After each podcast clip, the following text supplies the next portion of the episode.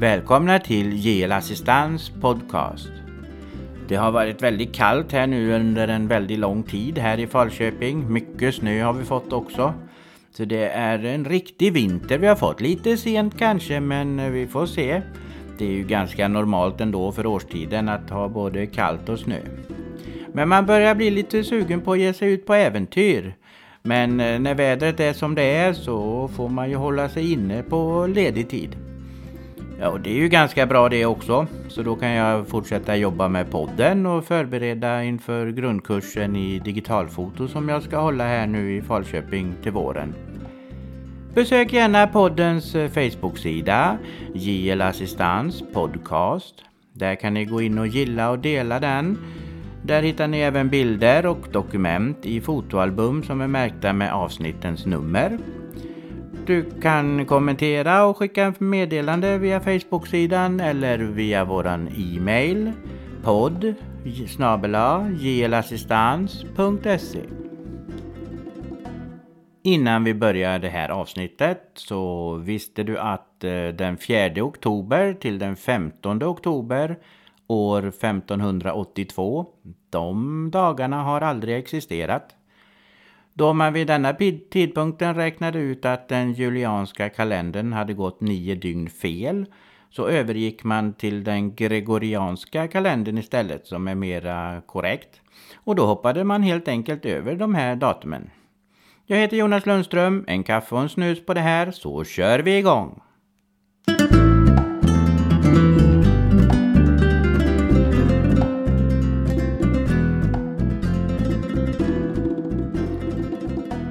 Jag har fått en del frågor angående metallsökning, eh, den hobbyn som jag tog upp i mitt förra poddavsnitt lite grann. Jätteroligt att ni lyssnare hör av er med frågor både via meddelande på Facebook-sidan och via e-mail. En av frågorna som har kommit är att om jag även söker i vatten. Och nej, det gör jag inte. Inte än i alla fall. Även, det är väldigt lockande att försöka kanske ge sig på även detta och söka i vatten. Eh, den tanken har slagit mig så att eh, vi får väl se både i strandkanterna men kanske även ute på lite djupare vatten. Kanske skulle man passa på att skaffa sig ett dyrt certifikat när man ändå är i Brasilien nu i december som kommer. Så man kan utveckla den här hobbyn lite även på djupet. En spännande tanke. Den som lever får se.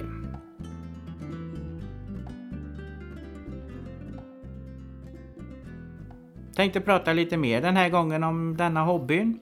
Både lite mer allmänt men även hur jag personligen brukar lägga upp det hela. Men först, eh, kanske uttryckte jag mig lite oklart i förra poddavsnittet. Jag sa att hobbyn inte är så social. Men då menar jag själva utövandet om man går i sin egen lilla värld med hörlurarna på och lyssnar efter pip. Annars så är det en väldigt eh, social hobby, precis som alla andra. Det finns massor med trevliga utövare som man träffar och umgås med.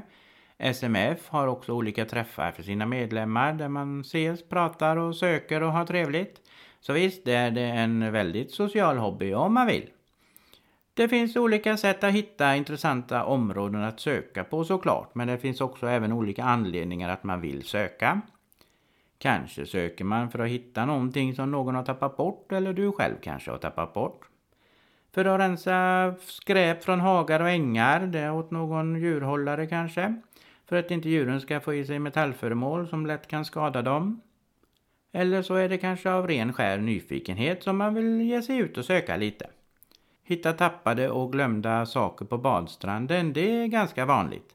Sanden är ju lättgrävd och jag rekommenderar i så fall att man har med sig en sandskopa. Det är som en stor skopa med hål i, så du kan sikta sanden snabbt och lätt så att du även hittar små föremål. Jag brukar söka tidigt på morgonen eller sent på kvällen. Då är det inte så mycket folk på stränderna som eventuellt skulle kunna störa sig av att jag springer där. Fast å andra sidan så är det ju kul att prata med nyfikna som vågar sig fram också. Och de undrar oftast vad man håller på med och vad man har hittat och sådär. När jag nu har hittat ett område eller en plats där jag känner att här vill jag söka. Då Först så brukar jag titta i fornsök. Det är en databas med kartor och information. Där kan man se om det finns några kända fornfynd i närheten. Om det gör det, ja då är det ganska kört att försöka få tillstånd där. Länsstyrelsen är ganska hårda på det. Men om allting verkar okej, okay, då tar jag och kontaktar markägaren. Länsstyrelsen kan ge mig tillstånd att använda detektorn på den marken som jag önskar i enlighet med allemansrätten. Men om jag nu även skulle vilja gräva på de fynden jag hittar så måste jag ha tillstånd ifrån markägaren. När jag nu vet vart jag vill söka och jag har markägarens medgivande skriftligt, då fyller jag i en ansökan och skickar in den ihop med markägarens medgivande och kartor där det aktuella området är utmärkt. Alltihopa detta skickar jag till Länsstyrelsen. Nu efter nyår så har de infört en avgift på det här också. Det är 700 kronor per ansökan oavsett om det går igenom eller ej. När allt detta är klart, betalat och inskickat, ja då är det bara att vänta. Väntetiden kan variera väldigt stort, från ett par veckor till 5-6 månader faktiskt. När jag nu har eh, tillståndet i handen då efter väntetiden så gör jag några kopior på det. Brukar lägga en kopia i en plastficka som jag har med mig när jag är ute och söker. Det kan ju hända att lagens långa arm vill komma och ta sig en titt och då får de gärna göra det. Vad har jag då med mig för utrustning på mina sökturer? Ja, det beror såklart helt på var jag ska söka och hur länge sådär. Men om vi säger att det är på ett av mina stora områden, då är det ju kläder efter väder såklart. Lämpliga skor för den terrängen som är där. Jag brukar ha med mig båda mina detektorer, min Fisher 11 och min CTX 3030. Extra batterier och framförallt laddade batterier. Ett par hörlurar brukar jag ha med mig. Handskar, eh, ett par som är gummerade som tål lite vatten och lera. Och några vanliga tunna trädgårdshandskar brukar fungera bra. En pinpointer är också bra att ha. Det är faktiskt det viktigaste verktyget som en detektorist kan ha med sig. Det är en liten handhållen eh, metalldetektor som man kan finsöka lite mer exakt. Och när man väl har börjat använda en pinpointer så förstår man inte riktigt hur man klarade sig förut då man inte hade en. Många metalldetektorer har en inbyggd pinpointer men det är inte riktigt samma sak som att hålla den i handen när du ska ner i hålet och, och försöka finsöka och få tag på det här myntet eller vad det nu kan vara. Och man ska ju försöka gräva så litet hål som möjligt för att inte göra någon större skada. Uh, en Garrett Digger har jag också med mig. Det ser ut som en stor rambokniv fast den är formad lite som en spade. Den är jättebra att gräva med. Sitter i bältet, alltid nära till hands. Vanlig liten trädgårdsspade har jag också med mig. Och det finns även sådana med lite längre skaft om man inte vill böja sig hela tiden. Och när du är ute och gräver så gör så litet hål som möjligt. Lägg tillbaka jord och eh, grästuvor och trampa till så att det nästan inte syns att du har varit där. Och framförallt, det du gräver upp det tar du med dig hem oavsett om det är skräp eller inte. En liten borste har jag med mig, typ svampborste, så man kan putsa fynden lite grann. Man är ju lite nyfiken direkt när de har kommit upp. En midjeväska lägga fynden i. Vattenflaskor är alltid bra att ha med sig. Och kanske lite matsäck, kaffe och smörgåsar eller någonting. Det beror ju på lite hur länge jag ska vara ute. Mitt stora område det är på 45 hektar och det är ju lite ohanterbart som ett enda sökområde. Därför har jag delat upp det i flera mindre områden som jag nu söker av i tur och ordning. Ibland söker jag och gräver direkt när jag hittar något och ibland så söker jag och vid fynd så sätter jag ut en röd markörflagga vid fyndplatsen och så kan jag komma tillbaka och gräva senare. Den metoden brukar jag använda då det är en större öppen yta det kan vara bra sätt om man är flera också. Då tillståndet är personligt så kan jag söka och markera ut platserna. Och så kan mina kompisar komma och gräva sedan, eller familjen. Inte ovanligt att jag ordnar en grillkväll. Då kan jag dagarna innan gå ut och söka och markera och sen kan jag och mina kompisar gräva och ha kul under en helg kanske. Och så har vi grillafton på kvällen och har det trevligt ihop.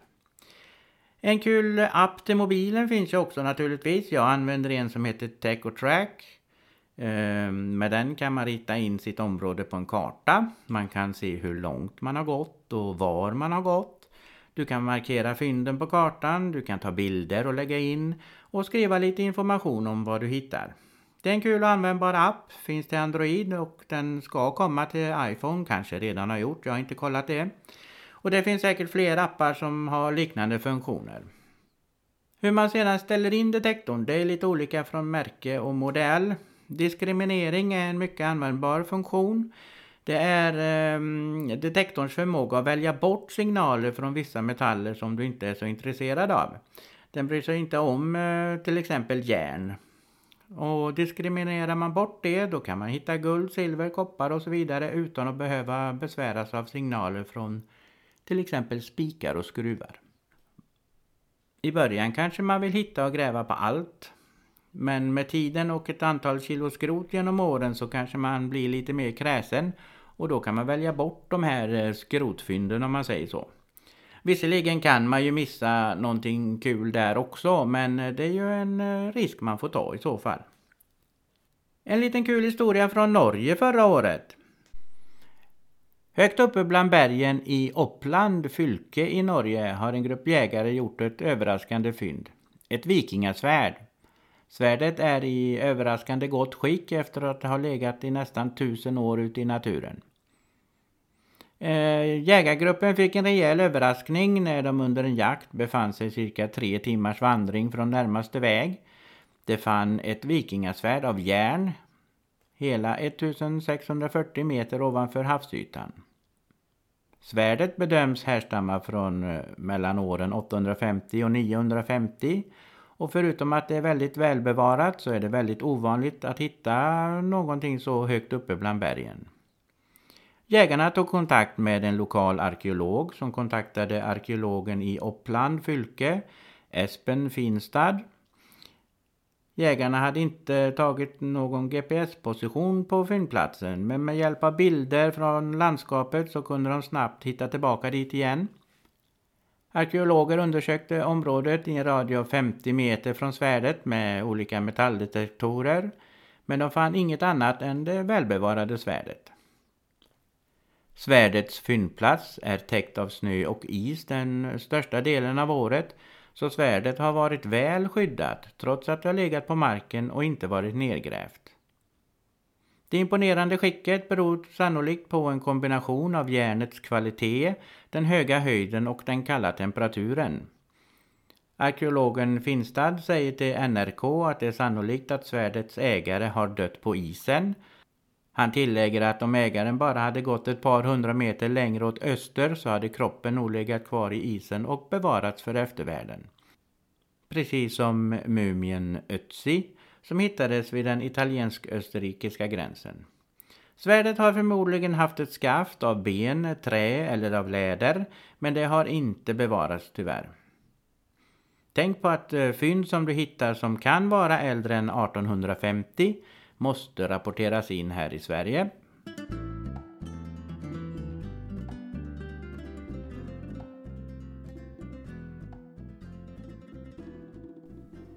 År 1997 lanserade britterna ett system där privatpersoner själva kan registrera sina fynd. Systemet har nu slagit alla rekord.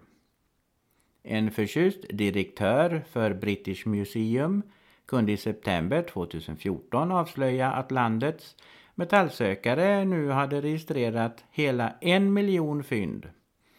Och det fynd som råkade bli nummer en miljon var väldigt speciellt i sig. 22 000 romerska mynt upptäckta utanför staden Siton.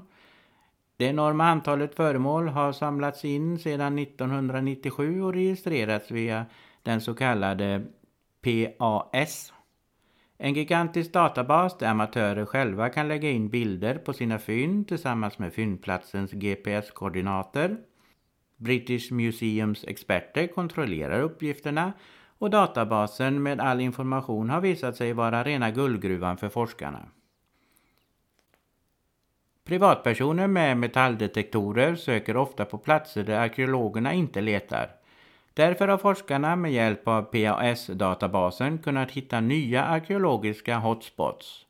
Två broscher funna av en amatör ledde till exempel till upptäckten och utgrävningen av en vikingagravplats i Cumbria. Dessutom har tre tidigare okända härskare upptäckts efter att forskarna undersökt texterna på några av de mynt som amatörarkeologerna hittat med sina detektorer. Bland de nyupptäckta regenterna finns en järnåldershövding och en vikingakung från York vid namn Hardeknut. PAS-databasen har fått vissa skeptiker att förstå att detektoristerna inte är arkeologernas fiender utan en helt ovärderlig tillgång. Sist nu några råd till dig som kanske är nybörjare eller har funderingar på att börja med den här hobbyn. Var noga med att alltid ha tillstånd från markägaren om du ska gräva efter dina fynd och att du har tillstånd ifrån Länsstyrelsen. Visa gärna alla dina fynd för markägaren och berätta var du har hittat dem och vad det kan vara. Eh, du är helt beroende av hans välvilja om du vill komma tillbaka till hans marker och ryktet om en dålig mm, detektorist det sprider sig snabbt. Gå gärna med i SMF, Svenska Metallsökarföreningen. Här finns det folk som kan hjälpa dig om du behöver råd och tips. Om du hittar något av följande vid dina grävningar så ska du genast avsluta och ta kontakt med eh, vederbörande myndighet, kanske Polismyndigheten. Det är i så fall om du hittar ett lik, en bomb eller någon arkeologisk skatt. Lämna alltid sökområdet i samma eller till och med bättre skick än när du kom. Och kom ihåg att det du gräver upp, det tar du med dig hem oavsett om det är skräp eller ett riktigt fint fynd. Svinga lugnt! Det var allt jag hade för den här gången. Besök gärna vår Facebook-sida JL Assistans Podcast. Där kan du gilla och dela våra inlägg. Där hittar du bilder och dokument i fotoalbum som är märkta med avsnittens nummer. Du kan kommentera och skicka meddelande via Facebook-sidan eller via våran mail podd snabela jlassistans.se vill ni så hörs vi igen om en vecka. Tjingeling!